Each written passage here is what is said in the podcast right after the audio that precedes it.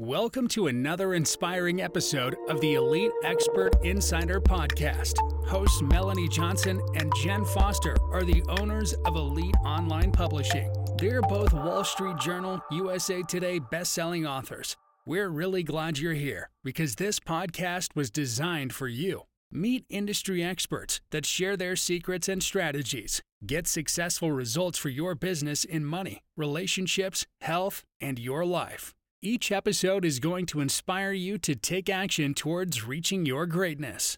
Hey everyone, thanks for coming today. We're going to have such a great show. We have someone motivational, inspirational, and he's going to teach you this amazing formula to blow up your business. He's a speaker, entrepreneur, multi eight figure business owner. He works with billionaires. Hello. So, if you want to learn this formula and how you can apply it to any of your business, it works for any business, he tells me, in any stage that you're in, then you are in the right place. We have Preston Brown in the house today. Thanks, Preston, for joining us. Oh my God, I love that introduction so much. Like I'm excited to meet me right now. Tell how you developed this formula, how you got started in business, a little about your background and your journey. Okay, I'm going to give you the fast version of the start and how I came about the formula because it's normally a, an hour long talk. But my start began when I was seven years old. My dad, beautiful man, genius, member of Mensa, star football player, this big, broad shouldered, powerful guy, right? Like he decided to set himself free, open his own business, be do the American dream thing. And we lived in this little trailer park in Canutillo, mm-hmm. Texas. And my dad, metallurgical engineer by trade, but not education. But he was brilliant. And so he went to work, working in this little shed next to our trailer with no air conditioning in El Paso, Texas, trying to have a heat stroke in hell. And we actually air conditioner to put in there, which probably not the best first business story, right? And uh, he worked in there sometimes 6 a.m. to 7, 8, 9 p.m. every night.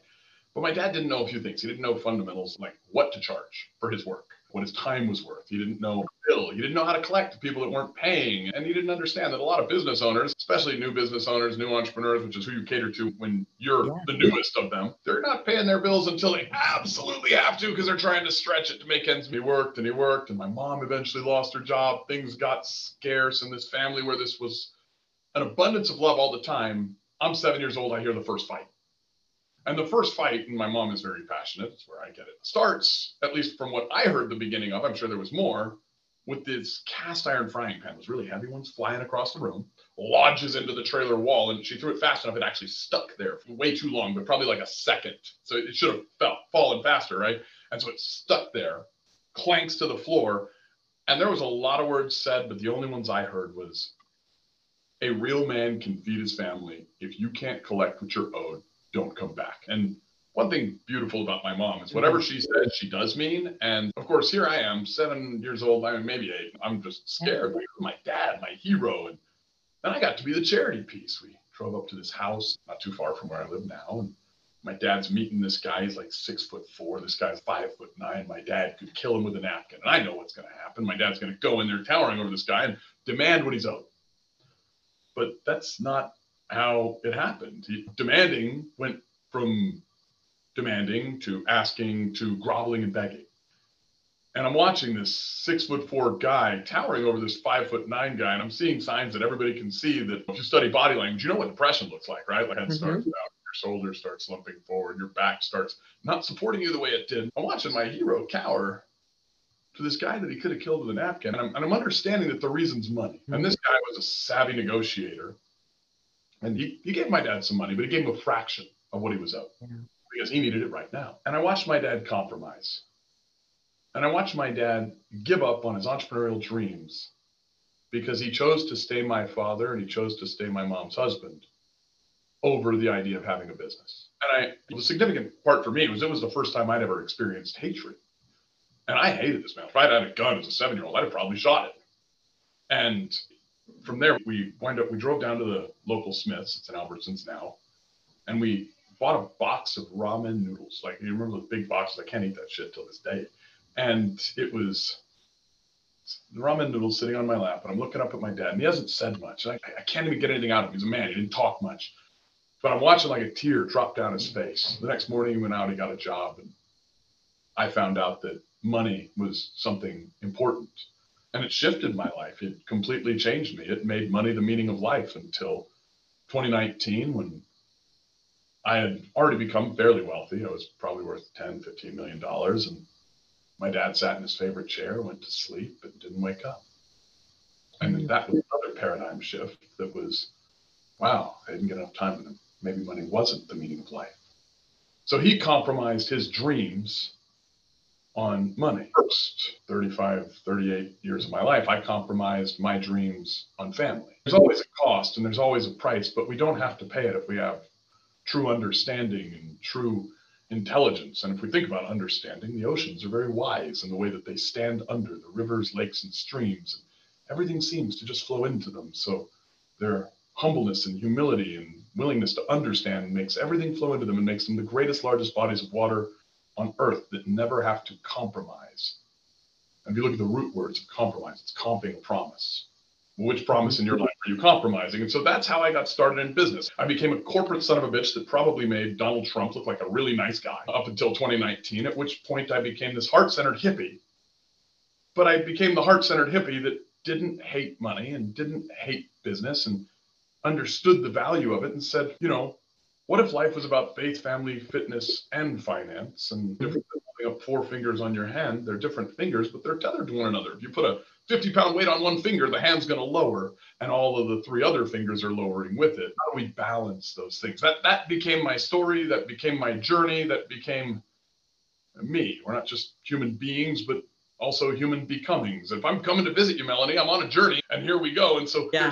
who you were, who you're gonna be, who you are, all this stuff, and it's fun. I love how you talk about really that value of time. And a lot of entrepreneurs, we feel like we have to grind and hustle, and like you say, there's always something that's got to give right? Something you're giving up and just deciding is it you're going to give that family time or you're going to regret it? Is there a way to balance all that? Let's jump into this formula because it sounds like some of this formula, like you hit that mark, or maybe I can have everything. I can reset the priorities.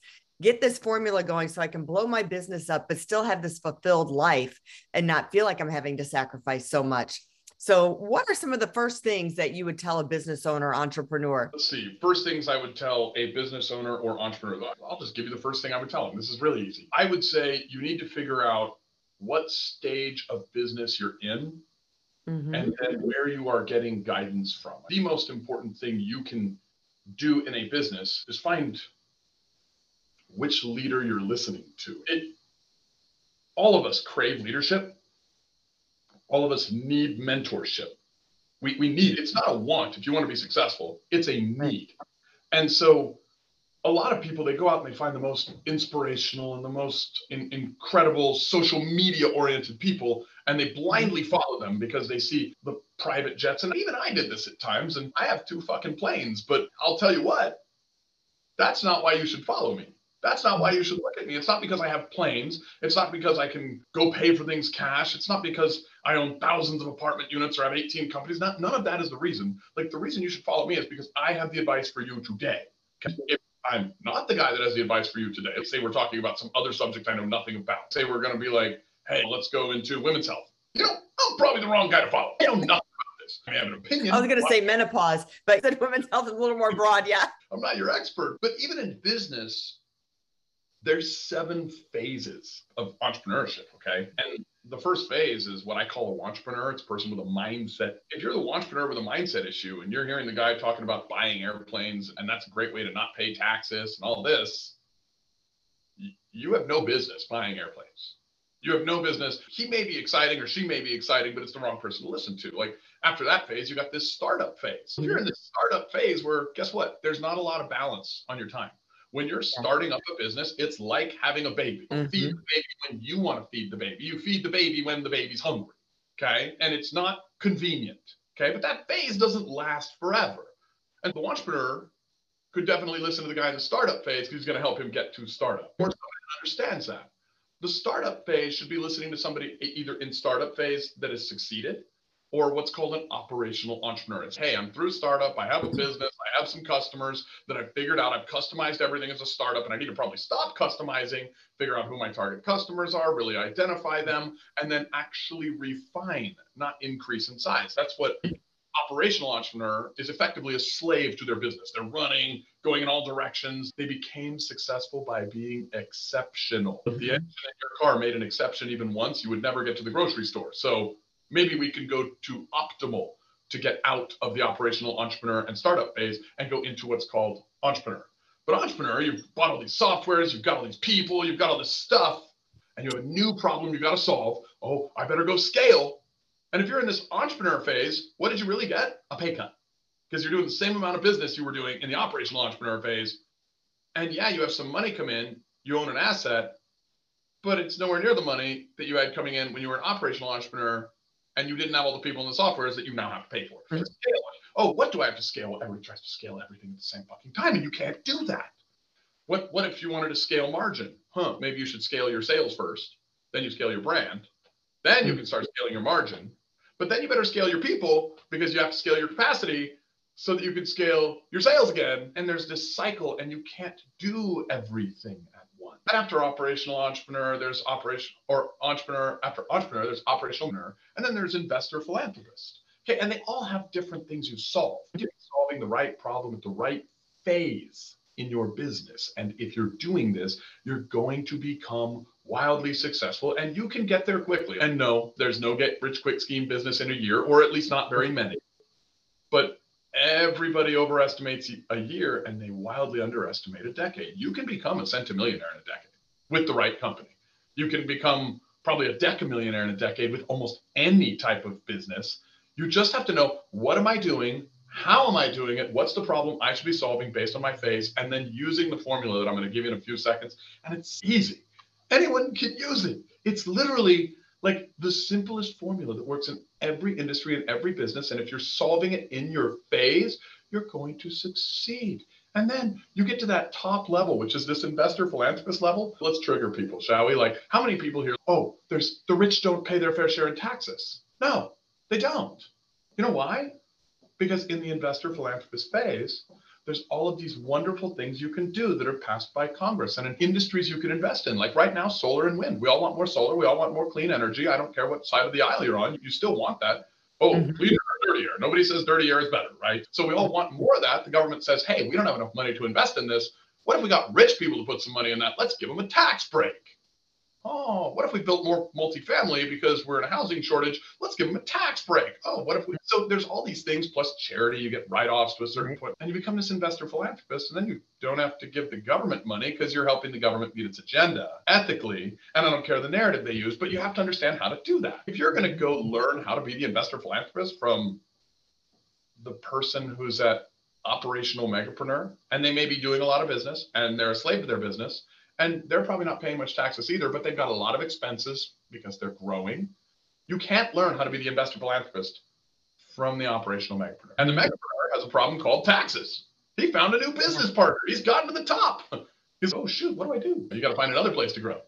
Anyway, sorry. That, that, I love all that though. So finding out where you are in that really that circle of entrepreneurial and some of us get stuck like they start making money you can start making money right away but if you haven't built the processes to go behind it it's going to collapse. And same it's like you feel like you're stuck at a certain we're only making x amount of money it's because we don't have enough people to generate more sales and to do all that. Figuring out where you are you really laid that out for us.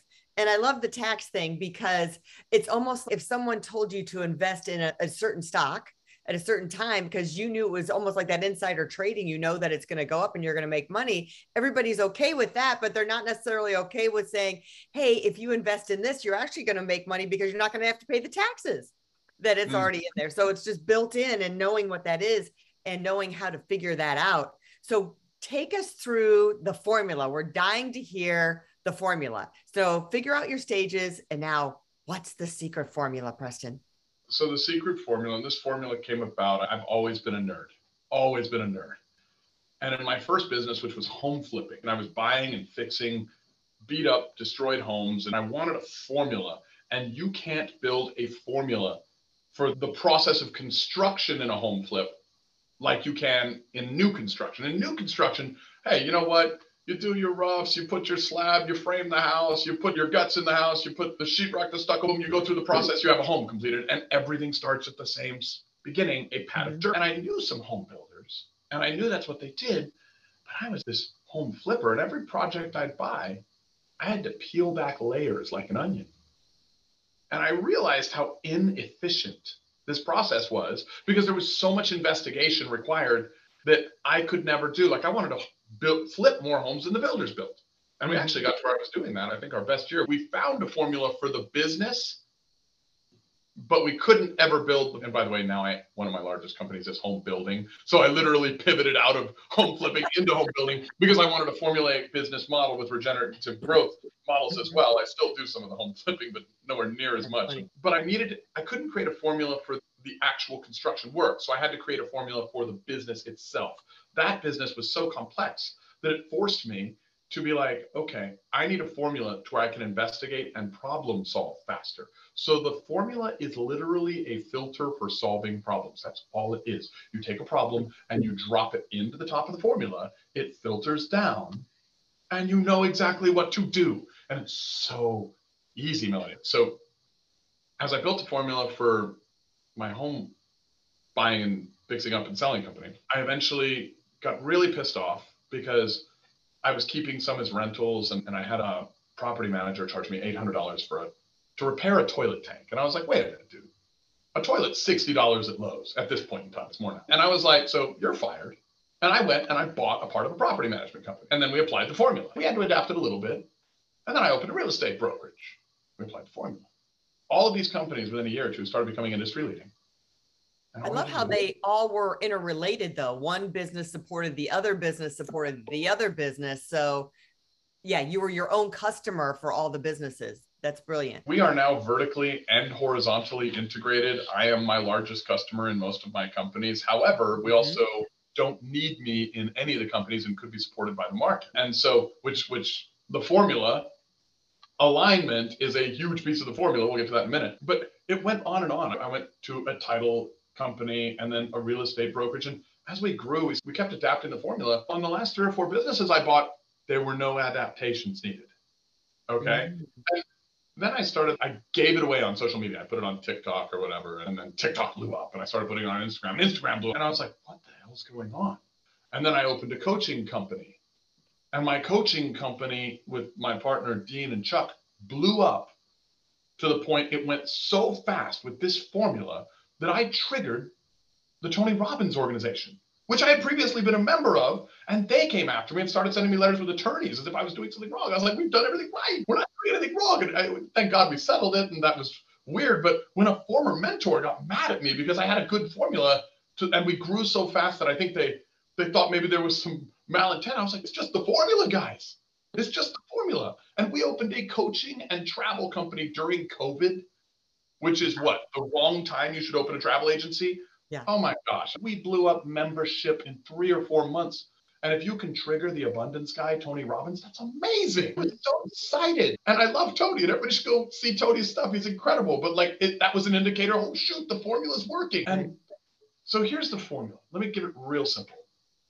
There's a litmus test for something to work with this formula, because should you be using this formula to figure out your diet? No. This is a finance formula. It's a business formula. Okay. Should you be using this formula to diagnose the knocking sound in your engine in your car? Probably not. Not going to work for it. So there, there's a litmus test like anything else. Okay. And, and this is where we found the success of the formula, the failure of the formula. If it doesn't pass the litmus test, litmus test is really simple. Okay. One, it must be productive for it to use this formula. Two, it must be profitable. Or in the case of a startup business that is not profitable yet, sometimes you're not profitable yet, you must have a map and a trajectory where you can measure what you're looking to go to mm-hmm. profit. So, in other words, measurable profitability. Okay, we may start losing five grand a month, we're going to lose three grand a month by month three, and then one grand a month by month six, and then we're going to be losing nothing by month nine, and we're going to be in the black by month 12, and then we're going to be up here, whatever it is, right? And so there has to be measurable profitability. So we have productivity, profitability, and the last one, and probably the most important, it must align with your purpose. Okay. Mm-hmm. People cannot get into business to make money.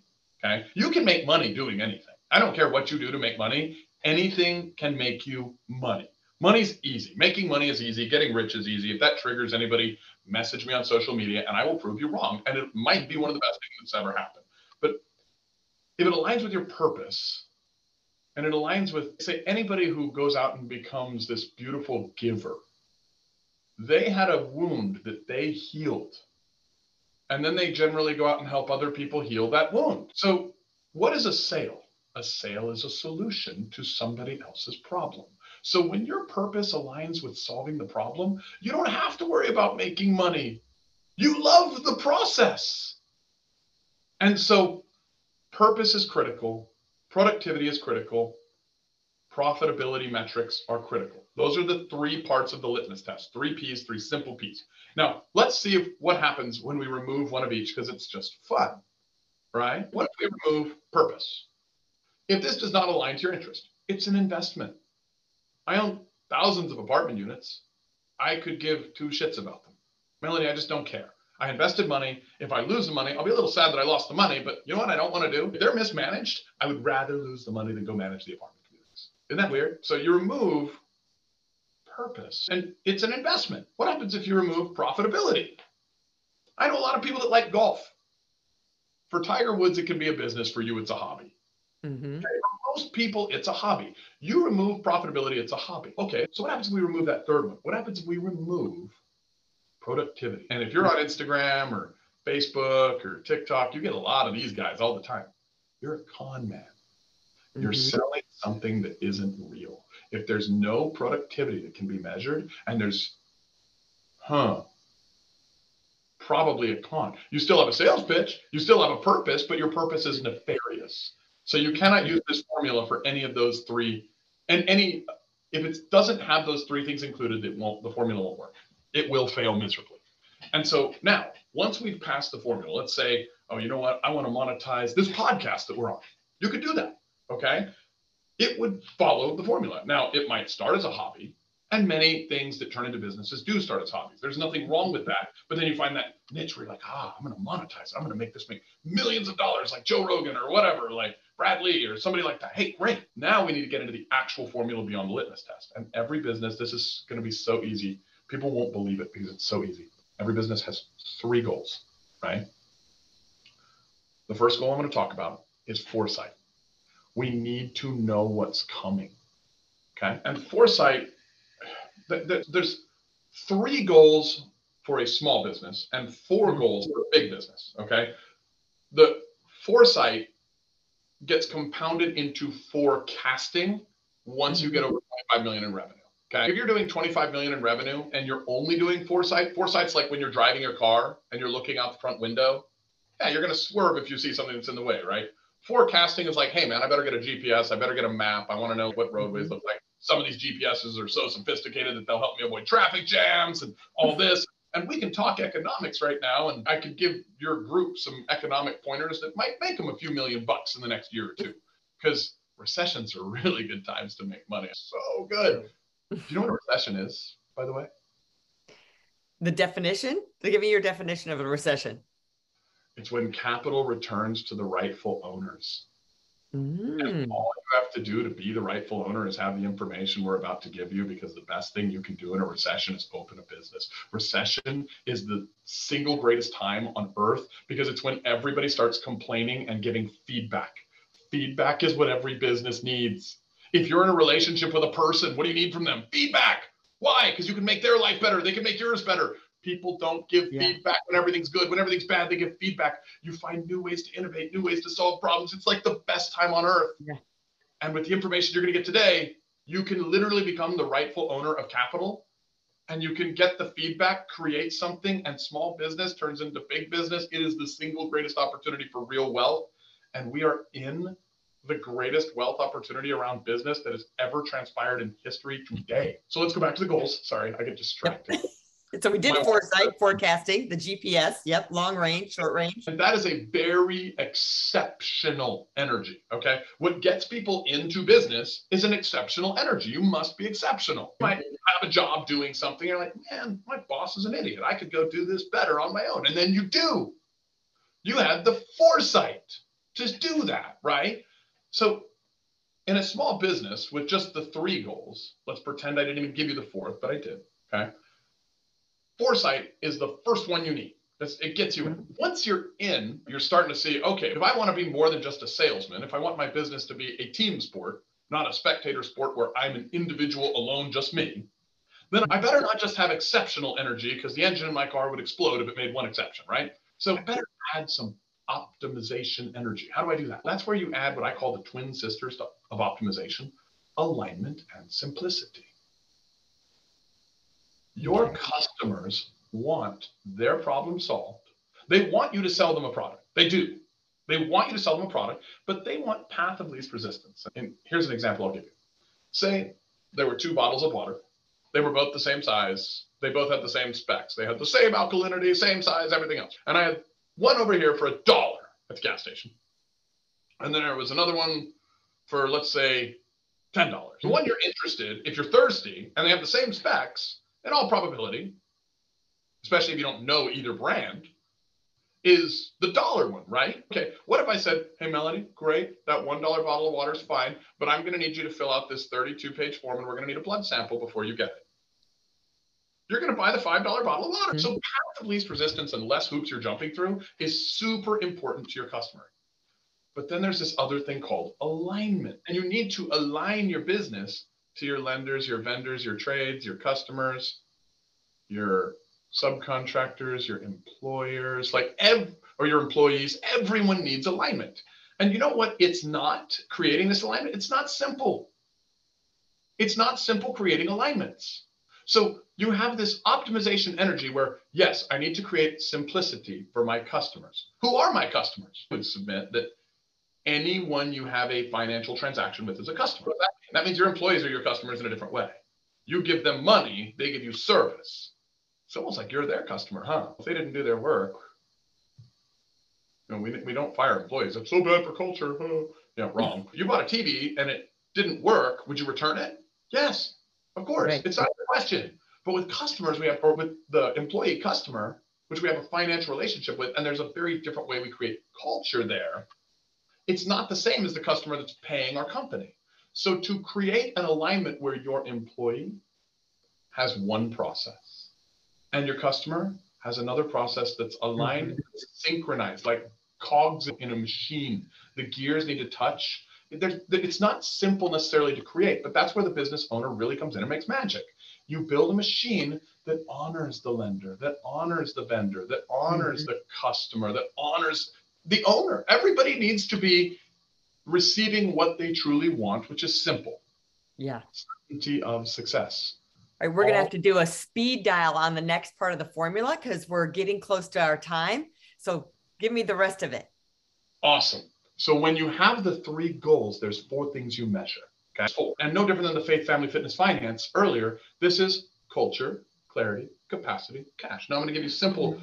pieces, even though there's a full day training on each one of these. Culture. What's the first four letters in culture spell? Cult. What's a cult? A cult is an organization of people that has a similar belief and a similar problem they solve. We all know about the bad ones, but your business is a good one. And culture is not about people being happy. It's about mm-hmm. behavior moderation. And how do you create it? There's five foundations of culture. We can go into that in another day and, and a bunch of other clarity. Okay. Clarity. This is transparency. This is communicating. This is making sure that people have understanding of where they need to be, what they need to do, and it's really creating brands. And do you know what a brand is? It's when your culture leaves is so good inside of your business that it expounds outwards. That clarity creates the possibility for your internal culture to become an external culture, which is what people call a brand. Okay. Then there's this thing called capacity. Capacity is fascinating. Capacity is incredible. There's four flows. Lead flow, are people interested? Okay.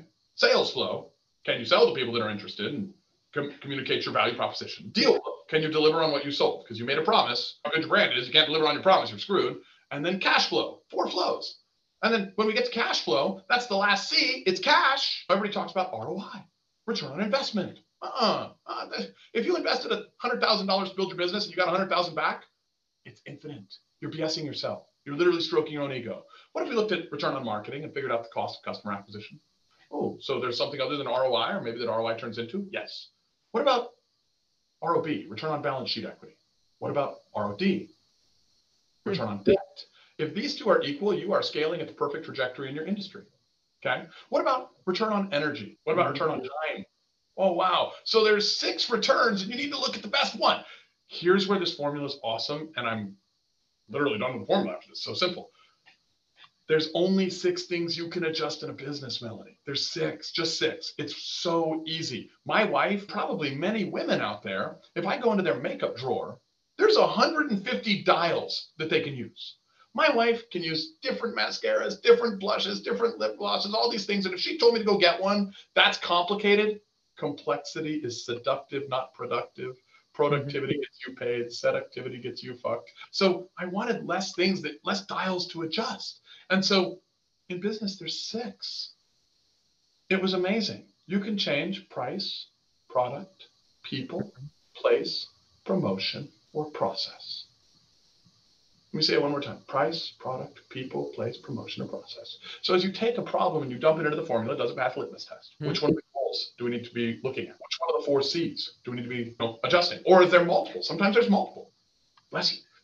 And then should we adjust this or some combination of the two or the six? Like, what do we do? And if you use that formula articulately in the stage of business you're in and you solve the proper stages quickly, I'll give you an example. I bought a failing home building company four years ago. That company did $120 million in revenue this year. Wow. This year, four years ago. And let me just say, if I told you my profits, a lot of people would say the rich don't pay their fair share. Or maybe they'd say I'm lucky, but I'm not lucky it's a system, it's a science, it's a simple process that every entrepreneur can use.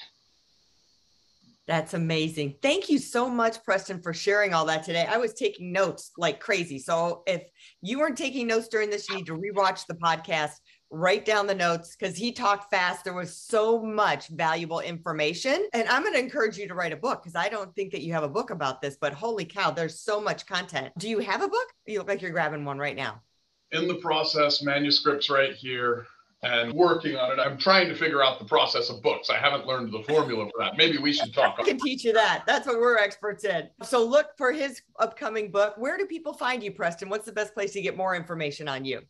So the best place is probably the Preston mm-hmm. Brown online. And we've got a website. It's also the same thing on TikTok, Instagram, Facebook, all of that. And I put all of my content out. I do it all for free. I want to make sure that everybody has access to this because, you know, if somebody has these tools, they can use them success should not be limited. If you want to work out, you can go outside and run, and God's open air gym is free. There's no risk, there's no work. Now, you're looking for mentorship or something like that, we do that as well. And you can go to my website and you can register, and we have some affordable options and some high level options. But honestly, 90%, 99% is just published.